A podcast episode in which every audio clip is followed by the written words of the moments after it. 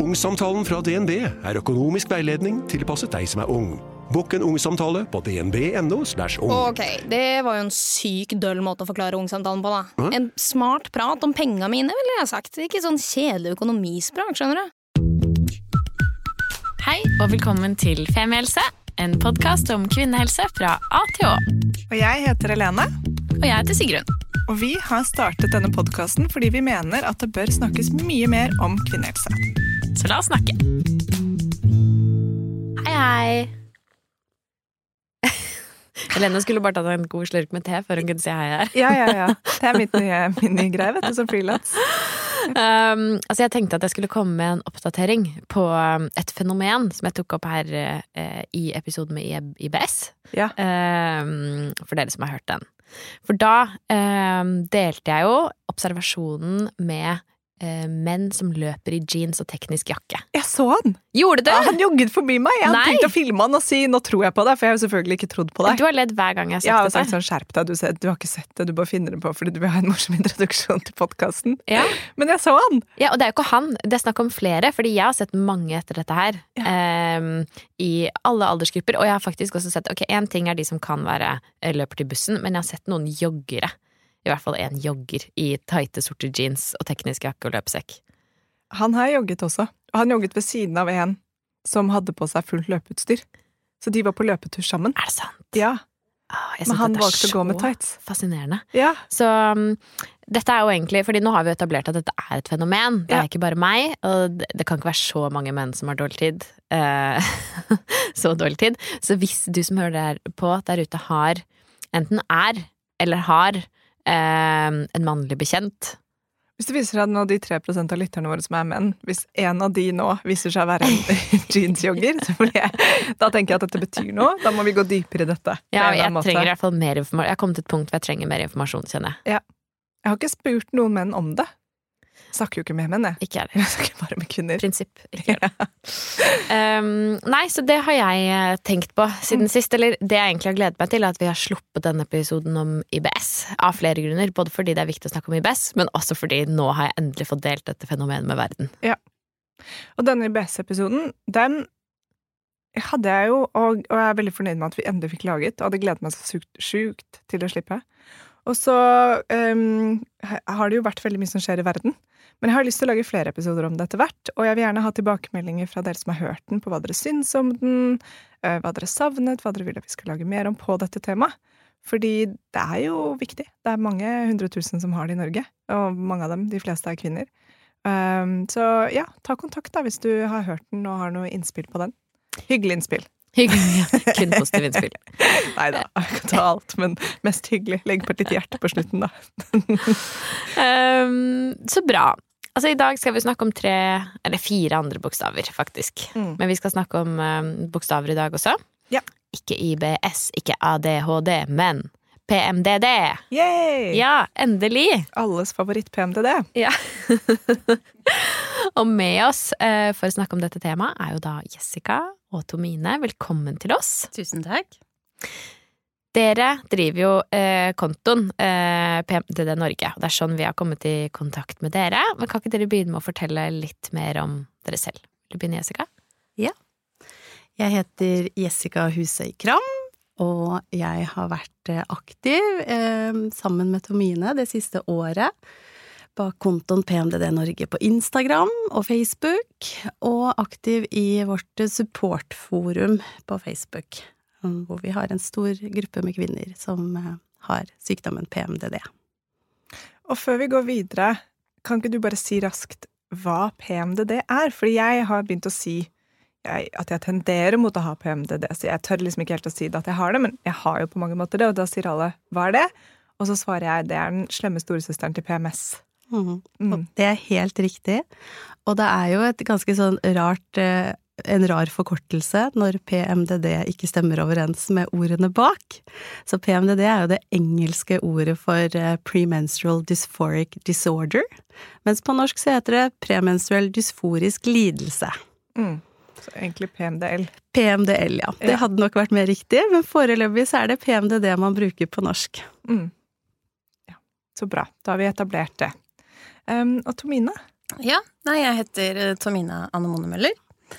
Eh, og jeg starta jo PMDD Norge-kontoen på Instagram uh, for to år siden, og så eh, kom jo disse andre etter, heldigvis. Eh, og det var jo fordi at eh, jeg har jo vært dårlig i mange, mange år, og så i 2017 så begynte jeg på en måte å gjøre sånn bevisst research rundt med syklus og sånn, og så fikk jeg jo påvist PMDD. Og da tenkte jeg at eh, Eller desperat leiting etter eh, noen jeg kunne snakke med om det. Og det var jo ingenting på norsk, det var jo på engelske fora. Men så da tenkte jeg ok, da får jeg bare gjøre det sjøl, når ingen andre gjør det.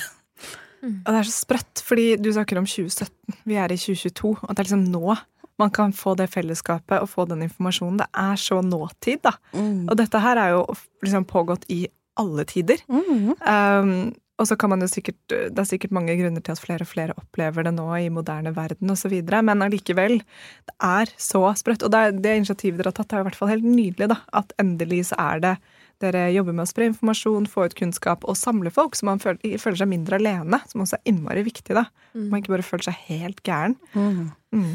Og hvorfor, jeg tenker sånn, og Nå nevner du at man ikke føler seg helt gæren, og at man har behov for fellesskap, men kan ikke dere si noe om hvorfor dette er en eh, sykdom eller diagnose som hvor det kanskje nettopp er fint å føle at man er en del av et sånt fellesskap. Fordi hvordan kan det oppleves å ha PMDD? Kanskje dere har lyst til å dra oss gjennom hvordan dere opplever det, for dere har det jo begge to på hver deres måte. Mm. Um, har du lyst til å begynne? Ja, det kan jeg jo. Uh, jeg har jo hatt det siden jeg var tolv og fikk mensen for første gang. Eh, og det var en sånn eh, Jeg gleda meg jo veldig til å få mensen, og så blei det jo bare helt feil. Eh, fordi at det skjedde så mye eh, rundt i hvordan eh, jeg begynte å oppføre meg, da, og tenke tanker. Jeg trodde jo at det var noe veldig, veldig gærent med meg, og fikk jo raserianfall og skjønte ikke hva, hva som skjedde. Og det gjorde jo ingen rundt meg heller, så da blei jeg bare sett på som håpløs, egentlig. Um, og så etter hvert så begynte jeg, begynte jeg jo med selvmedisinering, uh, egentlig, med å uh, ruse meg og sånne ting, som jeg tror jeg ikke hadde gjort hvis jeg hadde fått den hjelpa uh, som jeg skulle hatt, og som jeg håper man kan få nå i dag. Og så um, er det jo perioder hvor man på en måte er litt bedre, og perioder hvor man ikke er, og gått på alt mulig slags p-piller og sånne ting òg, eh, og andre p-preparater. Men når du eh, var ung og opplevde da at eh, ting endret seg, tok du da mm. kontakt med, med, legen din, for eksempel? Nei. Nei. Jeg fikk jo bare beskjed om at det, sånn er det, og sånn som med smerter og sånn, for jeg var jo sengeliggende når jeg hadde mensen nå, eh, med veldig store smerter, eh, både før og etter, før mens og under mens. Eh, og da er det sånn, men sånn har alle damer det, det er bare å bite det i seg, og og, så var det ikke på en måte jeg, Du blir bare sett på som vanskelig, da, når du eh, kommer i tenåra, og så legger de det mer på det. Ikke å prøve å forstå det bak. Og jeg var jo i en litt sånn kinkig familiesituasjon hvor jeg var både litt her og litt der. Så mm, det blir ikke anerkjent eh, for det, og da, da blir jo blei jo jobben min å skjule eh, skjule meg for verden, da. Og når du er 12 år, 13 og 14 og 17, så, så på en måte du kapsler deg inn i en sånn derre eh, spiral hvor du ikke tør å vise fordi at alle tror jo at du er gæren. Mm. Mm. Når skjønte du at du ikke var gæren, da? Um, det var vel kanskje når jeg ble gravid.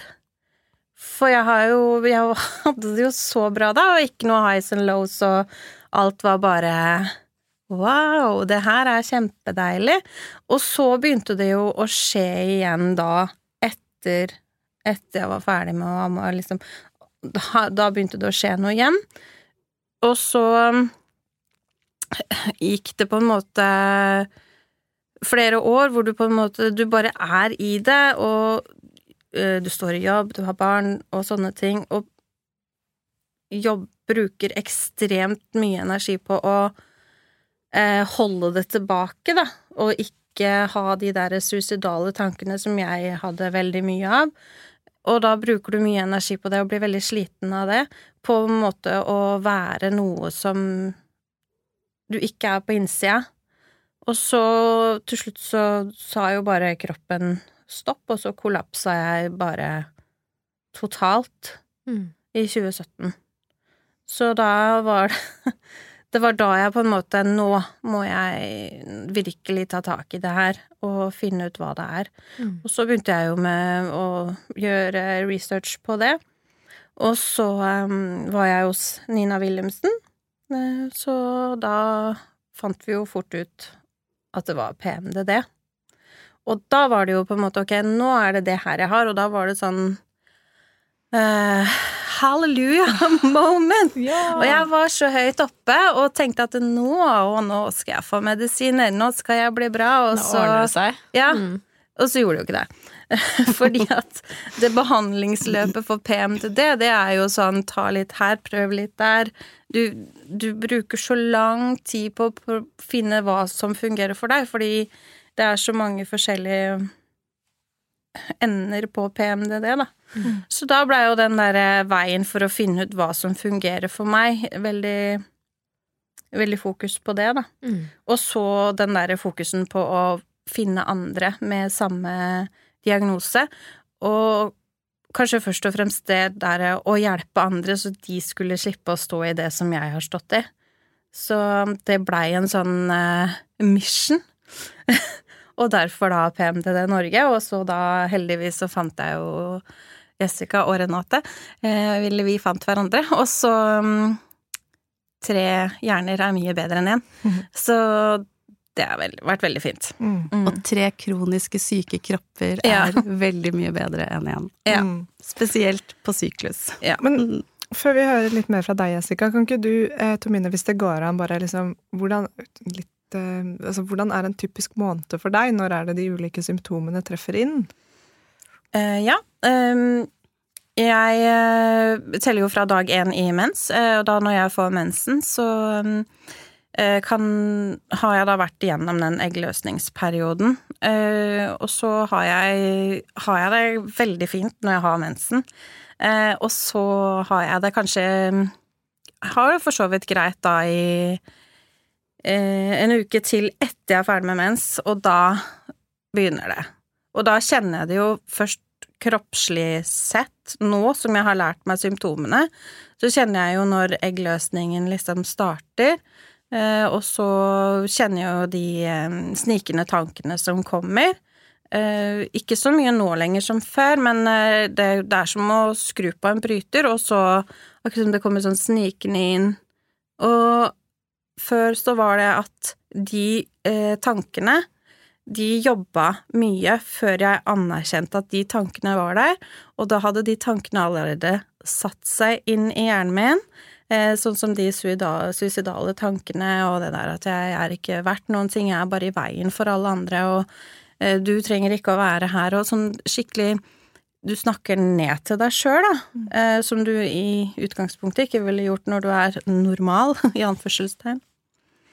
Så um, Og så går det jo sånn, da er jeg sånn i ca. 10-16 dager, eh, og så eh, kommer mensen, og så slipper det helt taket på dag eh, to, maks tre. Mm. Men jeg merker det jo på dag én. Så da når jeg merker at jeg har får mensen da, og selv om smertene er der, så så er det så deilig. For da nå kan jeg slappe av, og så kan jeg legge det bak meg, og så kan jeg ha litt fri nå fram til jeg starter igjen. Og sånn, sånn går det på runddans hver eneste måned. Wow. Ja, jeg kjenner meg jo igjen i, Ja. i, i noe av det du beskriver. Jeg har eh, min helvetesdag er dag ti før menstruasjon, Ja. og jeg merker det på at jeg plutselig går og krangler med alle oppi hodet. Plutselig er jeg fiende med hele verden. Jeg går sånn Ja, så sa du det. Det var jo ikke veldig interessant at du sa det, og så skal vi opp der nå, og så skal vi fikse det. Og så, og så plutselig så bare vent litt, vent, vent, vent, vent, vent, vent, vent, vent, vent, hva er dette? Mm. Og, og, i forhold til menstruasjonen, som også bare er en sånn der, ah, deilig, liksom avslappende uke for meg, og hvor jeg bare hviler og koser meg i mitt eget selskap. Ja. Og eggløsning, hvor jeg da er helt euforisk, og eh, liksom Afrodite Frøya møter alle på samme tid. Og så går det noen dager, og så kommer det Da begynner jeg å krangle med, med verden, da. Mm. Og det er så insane slitsomt. Og selv om jeg kan skjønne at nå er det det som skjer, så hjelper det sånn passe. Det hjelper jo å vite at jeg ikke egentlig er fiende med alle rundt meg. Eller at alle er fiende med meg, da, for det er jo det jeg egentlig tenker. Mm. At liksom, hvorfor, hvorfor gjør hun sånn, eller hvorfor sa han det, eller hvorfor ble det sånn? Ja. Men um, ja. Så vi, vi, trenger ikke å ta min historie helt nå, men uh, la oss høre fra deg, Jessica. jo, takk for det. Eh, jeg tror jeg skal begynne litt sånn midt inni eh, for hvordan det startet for min del. For det var veldig akutt når jeg var 36 eh, år. Hadde fått mitt første barn når jeg var 35. Vi var på ferie i USA. Dattera mi var ett år og tre-fire måneder gammel, og vi hadde liksom den fantastiske ferien. En uke på cruise, en uke i Miami. Bare levde livet og storkoste oss tror jeg aldri har vært så uthvilt som når jeg kom hjem fra den ferien. Um, vi landa i Norge 1. mai. Um, og etter det så sov jeg ikke på elleve netter. Det jeg Altså, jeg sov jo, men det var snakk om kanskje to-tre timer maks. Mm. Elleve mm. netter bra. Første natta sov jeg tolv timer pang. Etter det så gikk det elleve netter hvor jeg bare hadde marginalt med søvn og var så ekstremt shaky og skjønte ingenting. Så det begynte jo selvfølgelig med at å ja, jetlag, å gud a meg for en heavy jetlag, blir det sånn med årene, liksom? Blir den jetlagen bare verre og verre? Det var da helt ekstremt. Um, var en tur hos legen og fikk noen ting å sove på. Sov en natt uh, seks timer på den, og så neste dag igjen funket ikke i det hele tatt. Var en tur på legevakta etter en uke, fikk noe enda sterkere å sove på. Uh, funket ikke i det hele tatt, og dette her var da sterke sovemedisiner. Um, og på dag elleve så sa jeg til samboeren min nå uh, tror jeg bare vi ringer 113, ja. Og så spør vi om ikke de bare kan komme og dope meg ned her hjemme, så jeg bare kan sove sånn tre-fire dager, kanskje. Så kanskje jeg er i vater igjen. Og han bare ok, det var jo vel Ja, da ringer vi 113. um, og hadde en um, litt frustrerende samtale med de, for det er jo ikke sånn at de sender noen hjem til deg for å dope deg ned på den måten som jeg gjerne ønsket. Um, og psykiatrisk helsevesen er heller ikke sånn at de tar deg inn i ambulanse og doper deg ned på veien eller inn på et rom hvis ikke det er en form for veldig akutt fare. Så jeg fikk hjemmebesøk fra, fra uh, psykiatrisk legevakt, da. Og de kom 45 minutter etter at jeg ringte, og jeg sa det er altfor lenge, dere må komme nå. Kan komme med en sprøyte og bare ro meg ned før jeg liksom Jeg vet ikke hvor jeg skal gjøre av denne kroppen som bare rister, liksom. Um, så kom det to helt fantastiske damer fra DPS, der hvor jeg bor. Um, og vi hadde en kjempefin samtale. Um, jeg rydda, sendte Harald til å rydde litt sånn raskt rundt i huset, for jeg husket en historie som en venninne hadde fortalt om når barnevernet kom på besøk hjem til de når hun var liten. Så jeg ble sånn Kanskje det bare må se litt ryddigere ut. Bare dytt all skittentøy inn i skapet eller noe. og det var jo sånn det var, ikke sant. De kikket, det lå en liten sånn ziplock-pose med eh, en knapp eller et eller annet fra en skjorte til, eh, til mannen min, da, på, på stuebordet, og de liksom kikka på den, er det liksom noe dop eller rus eller Ikke sant. De, de skal gjøre jobben sin. Eh, og de, de, måtte faktisk komme inn på soverommet, be meg om å kle på meg og bli med ut i stua så vi kunne snakke sammen. Og der lå jeg på sofaen mens de to satt ved siden av og prøvde å evaluere hva som var status hos meg. Eh, og deres hypotese var at jeg var hypoman. Eh, det stemte nok ganske bra. Hva betyr det? Hypoman det er en eh, mildere form for mani. Mm. Kan ende opp i psykose hvis ikke det behandles og håndteres. Og så sier de det at det kan være at du kommer til å kjenne på en depresjon etter dette. Nå har du vært på en veldig high, som vi ser liksom har vært trigget av denne jetlagen, og vi vet ikke helt hva annet som har gjort det. Kan være hormoner, det kan være det Nei, vet du hva, det sa de ikke. De sa en del andre ting, men ikke hormoner, så stryk det. Mm. men det er mange ting som kan ha påvirket hvorfor du har fått denne jetlagen nå, da.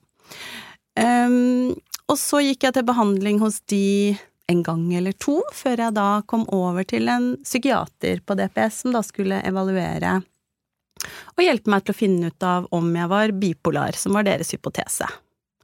Og da gikk jeg et løp der eh, vi brukte vel seks–syv måneder, hadde masse gode samtaler med verdens beste psykiater, han var helt magisk. Så fint. Verken han eller jeg hadde noen gang hørt om altså mental sykdom og syklus. PMDD var aldri nevnt, det var aldri et spørsmål om hvor er du i syklus, eller merker du forskjeller? Um, og etter hans uh, evaluering, da, du går gjennom et sånt diagnoseskjema og svarer på en del spørsmål, og så bruker man det til å finne ut av er du bipolar eller ikke. Um, så var hans konklusjon at jeg var um, highly intelligent, uh, highly functioning, litt for mye til at jeg egentlig kvalifiserte til en bipolar diagnose. Men jeg var veldig opptatt av at jeg skulle få en eller annen form for oppfølging. Det var jo et eller annet som ikke stemte. Det var jo ikke jeg som bare gjorde noe spesielt som gjorde at jeg mistet søvnen um, på den måten, så noe måtte jo være Og de medisinene jeg fikk, fungerte jo ganske bra til å liksom kuppe disse insomnia-toppene, da. Eh, så da ble vi enige om at det ble satt en veldig mild bipolar diagnose. Jeg fikk diagnosen, men det var veldig, veldig tidlig på spekteret, og han var usikker. Mm. Så fikk jeg tilbud om å gå bipolarkurs.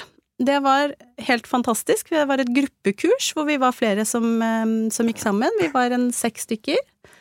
Um, og gikk kurs over kanskje det var åtte uker eller tolv uker, en gang i uka, to-tre timer, hvor vi lærte om liksom, hvordan leve med sykdommen, hvordan håndtere the highs and the lows, hvordan, liksom, hva er det du kan påvirke selv, da.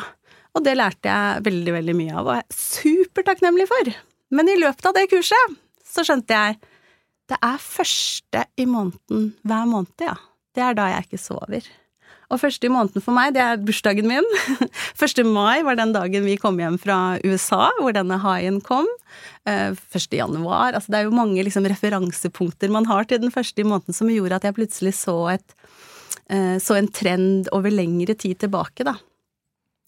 Og da um, gikk jeg til gynekolog, og hun sa jaha, bipolar, nei det er du i hvert fall ikke, har du hørt om PMDD?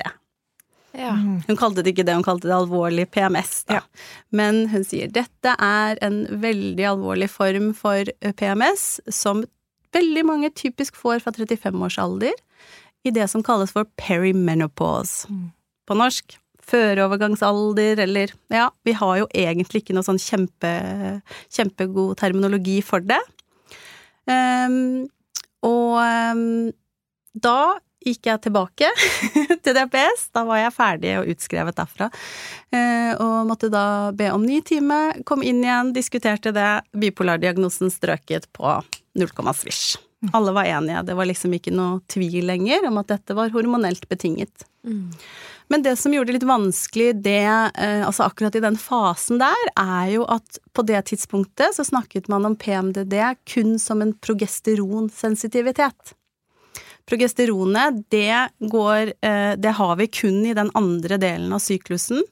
Um, og det som, som, vi ser da, i, i, arbeidet vårt og i alle disse årene vi har vært aktive i internasjonale forum og nå har våre egne norske forum, det er jo at det, eh, er et veldig stort spenn i sykdommen. Og når man har symptomer, hvilke symptomer man har.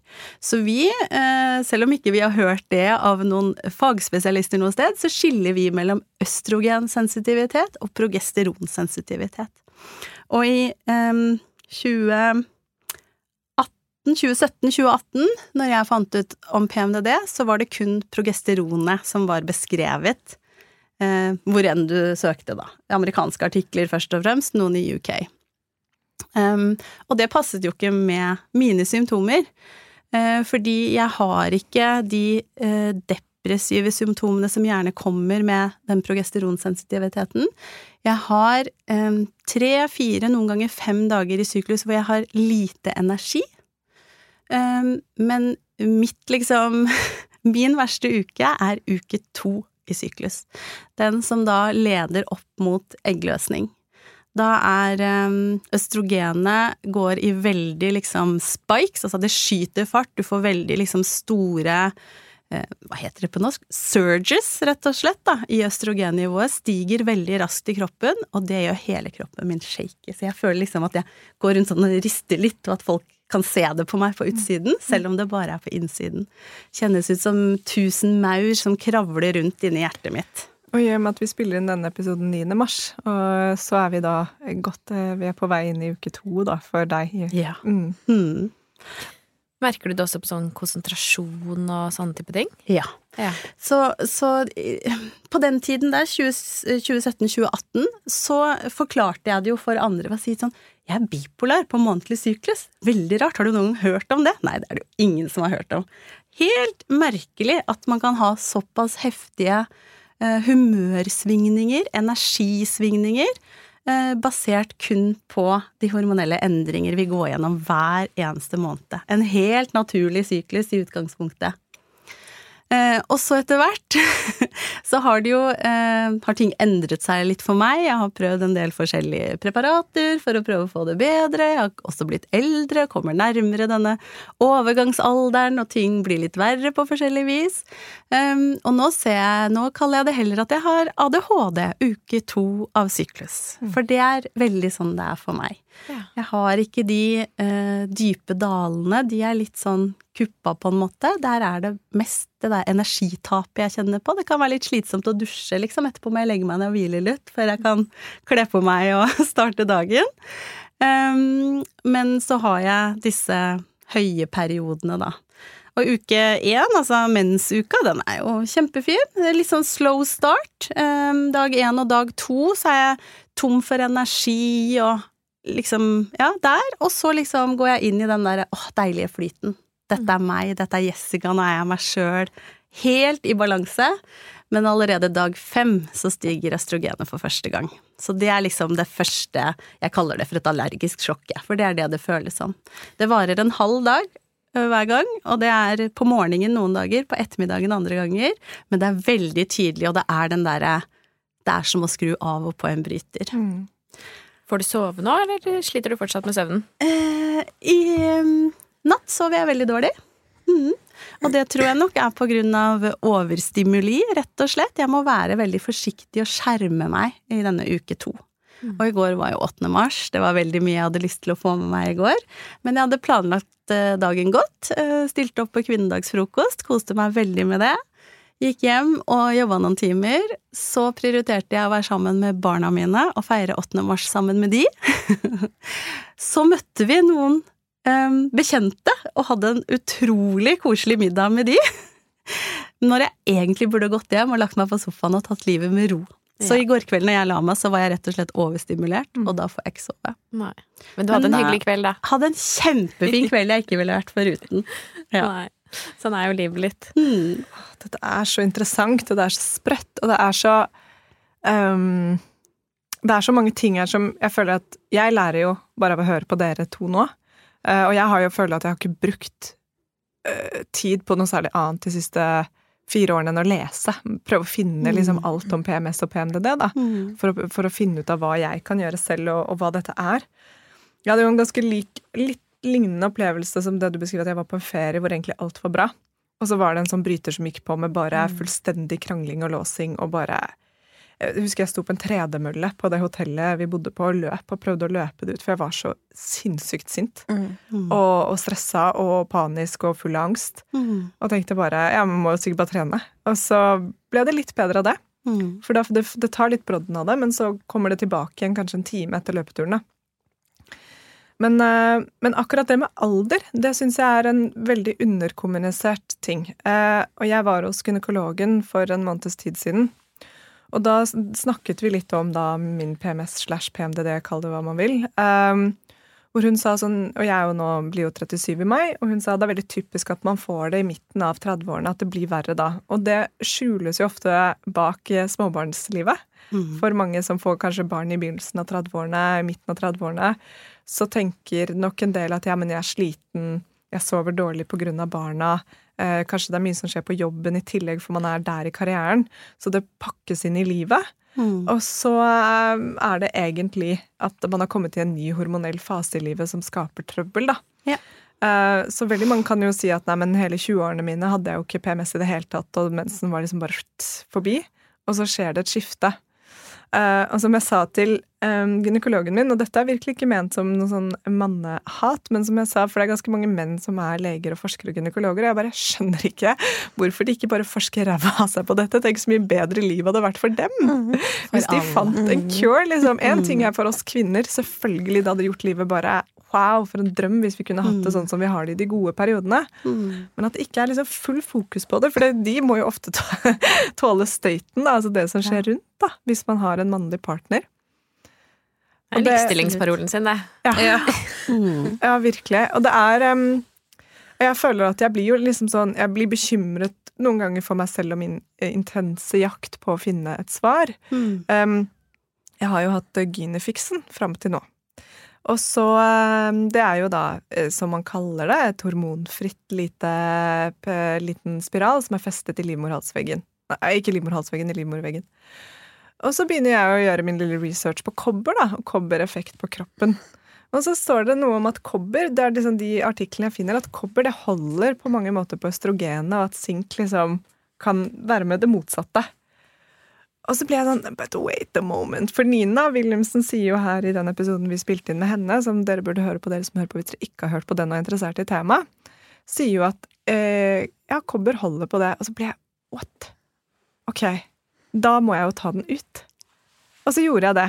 Og så, nå har jeg jo ikke hatt en ny syklus etter det, men jeg merger, jeg nærmer meg jo på mine verste dager nå, så jeg er veldig spent. Men det er bare Og dette her kan jo være helt feil, og det er det jeg mener med at jeg eksperimenterer Mm. meg fram fordi jeg blir helt sånn Det skal ikke være en sten jeg ikke har snudd på for å prøve Ja. å finne ut av dette.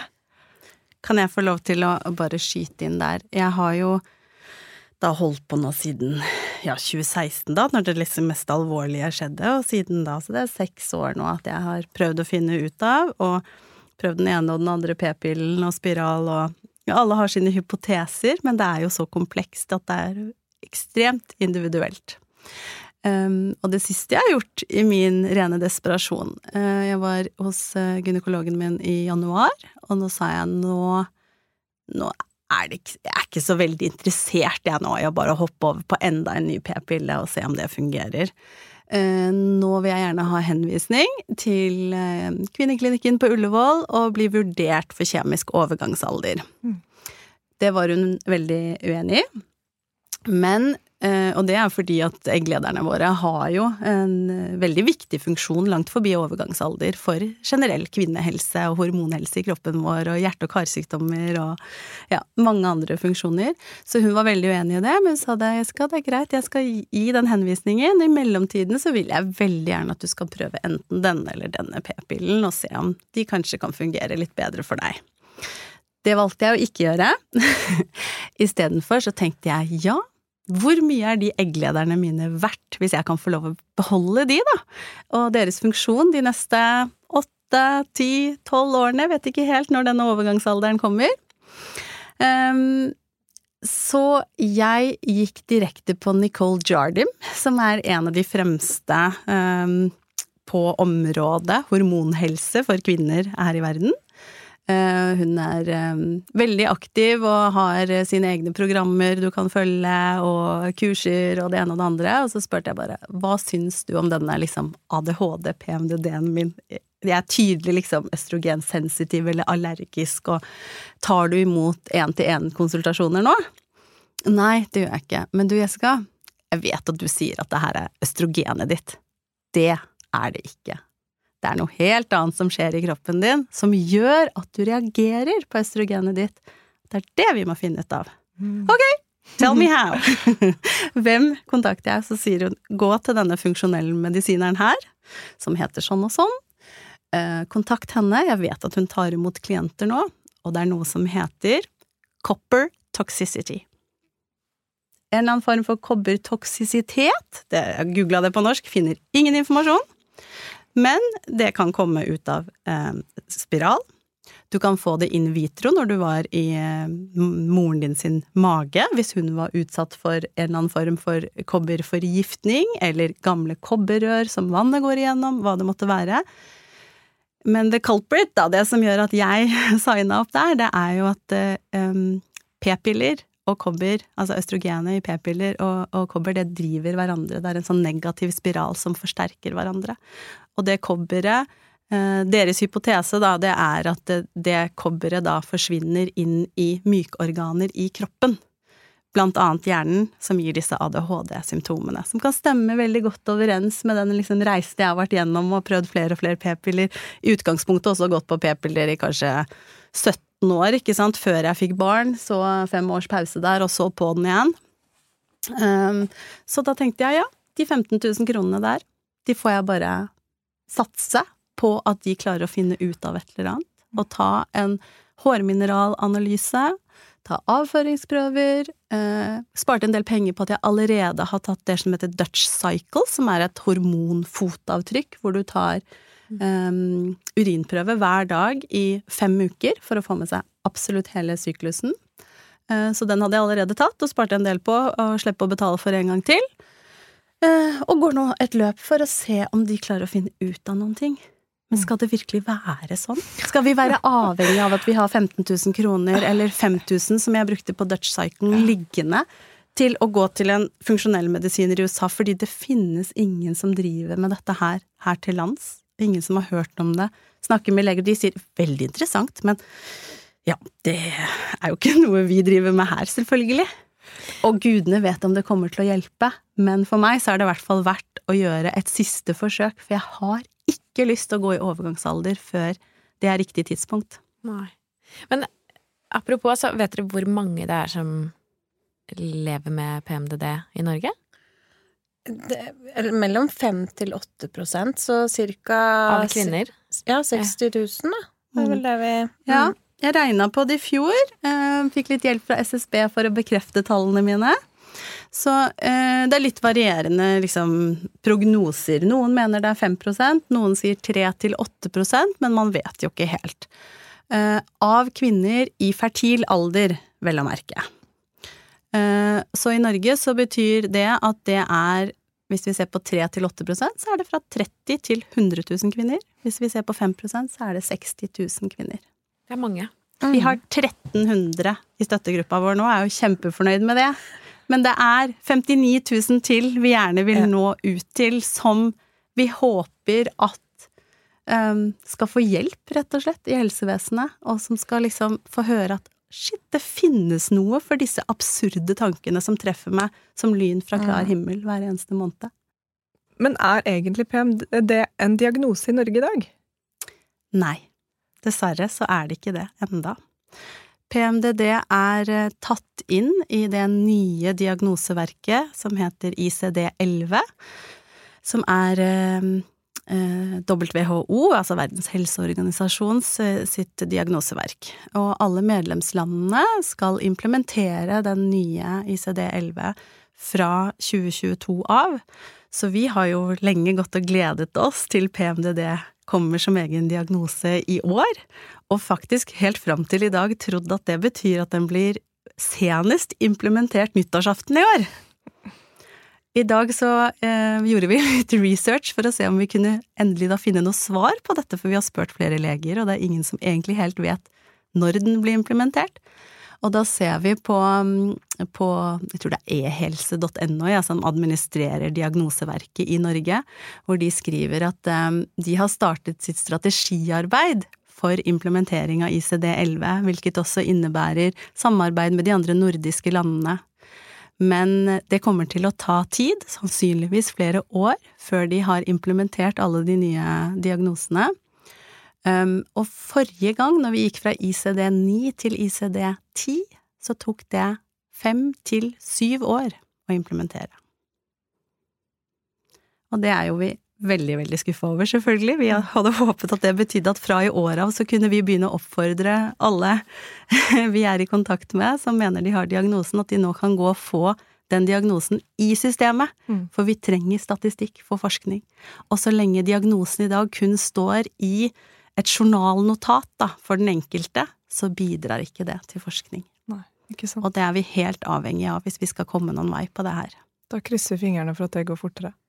Vi får Vi håpe at digitaliseringen ikke. har gjort noen, eh, ja, Ja. noen framskritt siden forrige gang. Ja, for jeg tenker jo at eh, for å begynne å oppsummere litt, at eh, det må jo være noe av målet med denne episoden, både for vår del, men kanskje også for deres del, og ikke nødvendigvis få fram dere to sine enkelthistorier, eh, men for å vise hvor utrolig forskjellig det kan være å ha denne sykdommen, og ja, at det er, det er mange veier til, i hvert fall til et svar, da, når det kommer til PMDD, og at det er veldig fint den møteplassen dere har eh, skapt og holder på å skape gjennom PMDD Norge, både på Instagram og Facebook. Så det er veldig, veldig fint. Ja. Og det er jeg er veldig enig, jeg kjenner meg jo veldig igjen i den reisen som dere er på med å prøve å finne ut av dette, og hvor håpløst det føles, og hvor mange sånne krinkelkroker man kommer inn på, hvor mye penger man legger igjen på veien, og, og liksom akkurat det der med kobber har jo vært en kjempesak borte i Sverige. Der er det jo Facebook-grupper med liksom 10 000 stykker som snakker om nettopp kobber toxicity. Det er veldig vanskelig ord for meg. Men der er det ofte liksom Men hvis du googler kobberforgiftning, så får du jo opp at da er du akutt syk og kaster opp på nauseous, og du kan føle angst der og da, og så videre. Sånn at Ja, det er eh, Men det er det der å finne liksom det, det er rett og slett forskning som må til. da, At vi må Mm. liksom ned på Og, og det er jo det som jeg skjønner at dette også er altså det, det er komplisert for oss som lever med det, men det er også dritkomplisert for eh, de som skal begynne å forske på det, for det er din versjon, det er min versjon, det er din versjon, og så er det liksom hundrevis av andre versjoner og årsaker til at hormonsystemet vårt blir satt ut av balanse på en eller annen måte. da. Mm. Eh, og det krever jo mye egeninnsats. Altså sånn alt fra eh, kosthold til livsstil til Jeg prøver jo nå det siste som For jeg har lest en sånn forskningsartikkel som vi kan dele en gang til, hvor det ligger ut den nyeste forskningen som noen norske gynekologer har samlet på hva som faktisk hjelper mot PMS. Der har jeg prøvd det meste. Det funket ikke så veldig for meg, men den siste tingen jeg adder på listen min nå, det er kognitiv terapi. Så nå går jeg to ganger i måneden skal jeg gå til en, eh, en eh, psykolog og snakke med henne for å finne liksom rett og slett eh, gode verktøy for hva kan jeg si til disse tankene som kommer. Og der er jeg, det er jeg veldig for. Fordi at det, handler mye om å, å lære seg sjøl å kjenne, og kjenne på det derre energiregnskapet, og at du skal forstå dine egne følelser. Jeg er litt sånn Eller jeg har kommet dit, da. At jeg man ikke skal døyve de følelsene. Får du den derre 'Hvorfor krangler jeg nå?' og, og, og så anerkjenne den, og ikke mate den, men ok, er, du, er, du er der, men og da får du så god hjelp fra når du har terapi, og jeg har jo sjøl gått på DPS, og de var jo veldig imøtekomne i forhold til det med PMDD, og, og tracka meg liksom i, i lang tid, eh, og så jo også de svingningene. Og der er det det med toleransevindu. Jeg vet ikke om du har hørt om det? Nei, men det er jo eh, i forhold til at man skal ligge i midten, da. Se for deg en strek oppe og en strek nede, og så skal du ligge i midten, for der har du det bra. Der, der, der trives du, der har du det godt.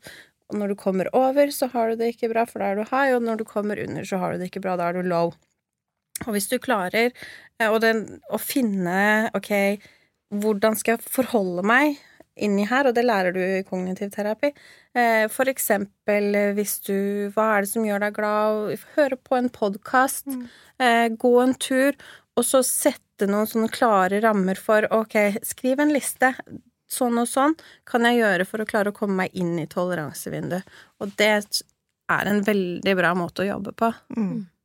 Og jeg har jo um, jeg har veldig troa på det du sier der, og prøver å egentlig leve litt etter syklus, men så er det litt vanskelig også. ikke sant? Plutselig skal man holde et foredrag eh, tre dager før mensen og bare he-he-he, ops.